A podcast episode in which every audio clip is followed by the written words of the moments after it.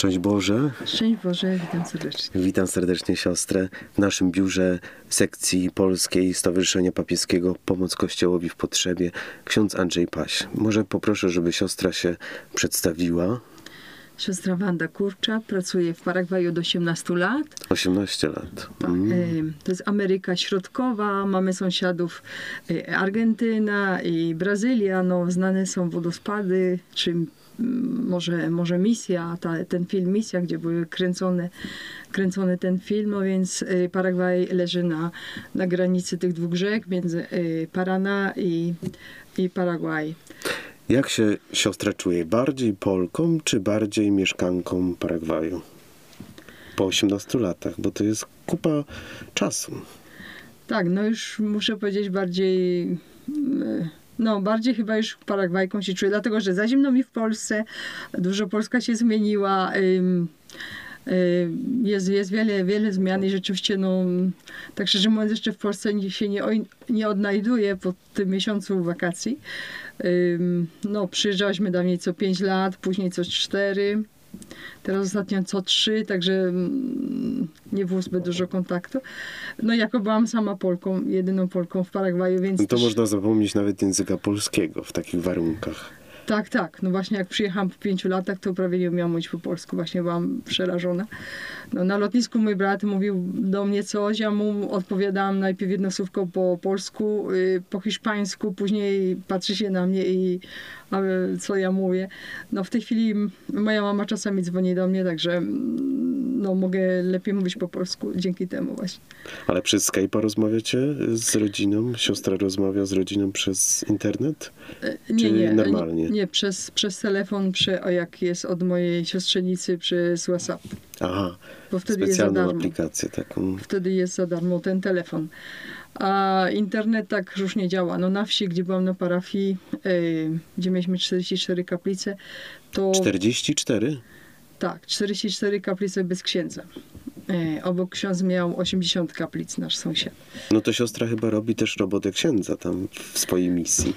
Tak, tak. No trzeba było zrobić yy, yy, właśnie przygotowanie do ślubu, pogrzeby, dzielenie się Pismem Świętym codziennie rano, yy, 7, 7.30, pół godziny przez radio właśnie. Później no, wszelkie kursy biblijne, praca z katechetami, yy, praca z młodzieżą. Właśnie praca z młodzieżą też dosyć ciekawie wyglądała bo na przykład robiło się takie spotkania dla młodych, przyjeżdżało 150 młodych, Mhm. więc jechaliśmy w takiej jakby ciężarówce, jak się wozi zwierzęta. Więc były takie, no ściany tej ciężarówki to były z desek i no i jak ta ciężarówka się przechylała, no to nas było 160 osób to myśleliśmy, że tą ciężarówkę przewali po prostu. To niesamowite. A proszę mi powiedzieć, jak siostra y, pracuje jako misjonarka, y, to religia, która panuje y, obecnie powszechnie w Paragwaju, to jaka to jest religia? Chrześcijaństwo? Jest, jest oficjalnie jest większość chrześcijaństwa, ale jest dużo sekt są ewangelicy, protestanci, jest dużo nowych sekt. A jakieś plemienne religie też występują? Są czy? religie indiańskie. Indianie wierzą w Pana Boga, ale oni jakby mówią, mają swojego Pana Boga, bo oni wierzą w Pana Boga, który y, mieszka w lesie, mają swoją świątynię, piją shisha. Ja z nimi tańczyłam też.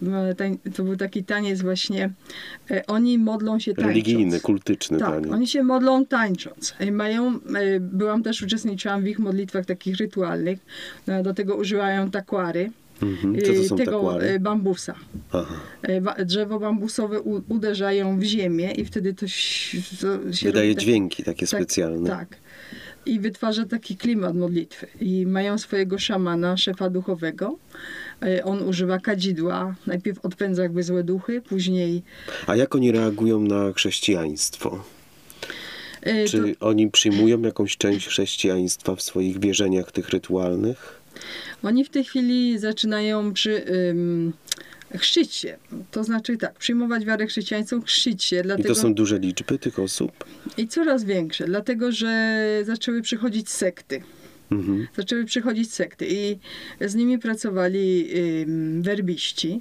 Y, ja byłam w a, y, e, Akaremi, to jest taka jedna mała wspólnota, gdzie ksiądz katolicki im tłumaczył chrzest ich, jakie ma powiązania i z naszym chrztem na przykład. Oni, żeby ochrzcić kogoś, muszą, czekają dwa lata.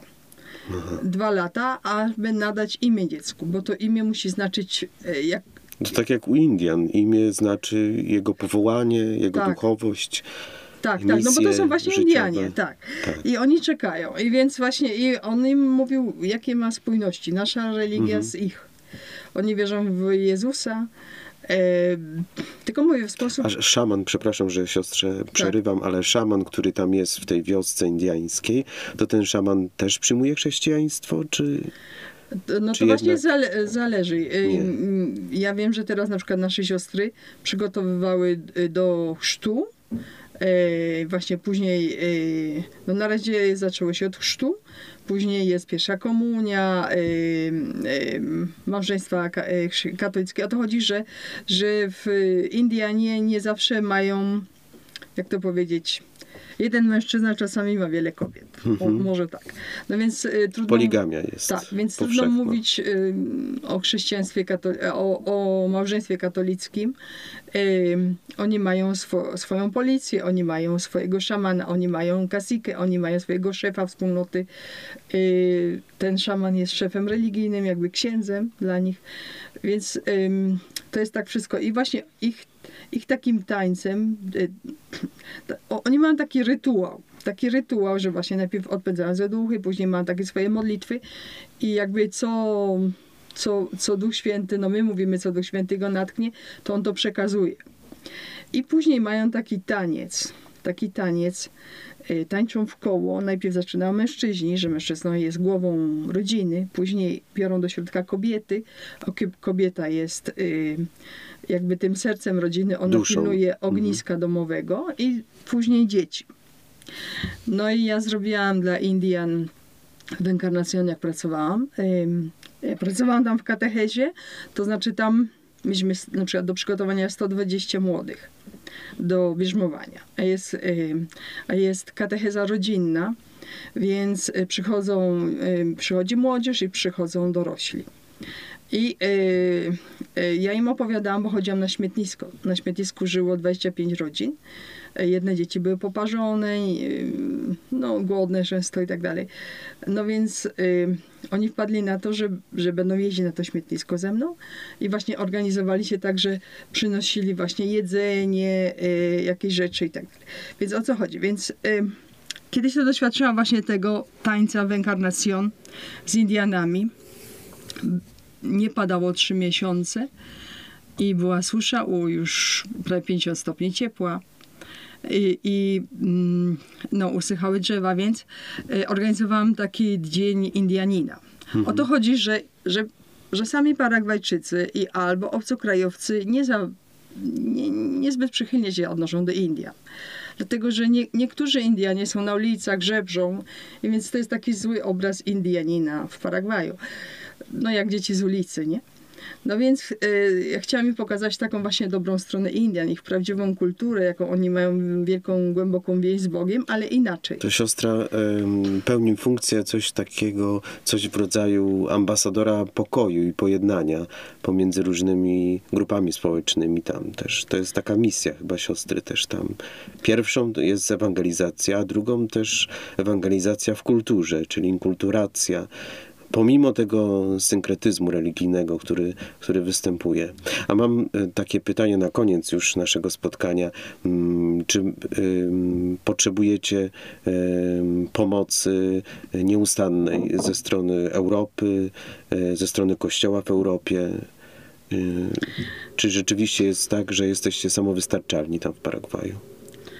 No trudno o samowystarczalności. Właśnie są takie sytuacje, jak ja byłam właśnie na parafii, gdzie miałaś, mamy te 44 kaplice.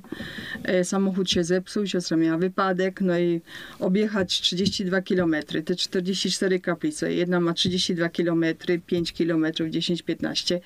E, bez samochodu obsłużyć taką parafię, e, jeszcze trzeba przywieźć księdza z następnej, z innej parafii, co był 50 km od nas.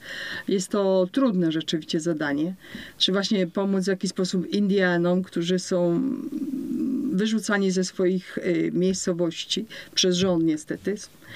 Y, Więc to jest trudne. Więc tu niestety jest y, no, taka potrzeba konieczna, żeby były, była ta pomoc no niestety z zagranicy, bo rząd niestety... I my właśnie my, jako Stowarzyszenie Papieskie Pomoc Kościołowi w Potrzebie pomagamy misjonarzom, misjonarkom, a szczególnie w tych krajach, gdzie rzeczywiście chrześcijanie są prześladowani. Bardzo dziękuję siostrze za wspólną rozmowę i podzielenie się doświadczeniem misyjnym.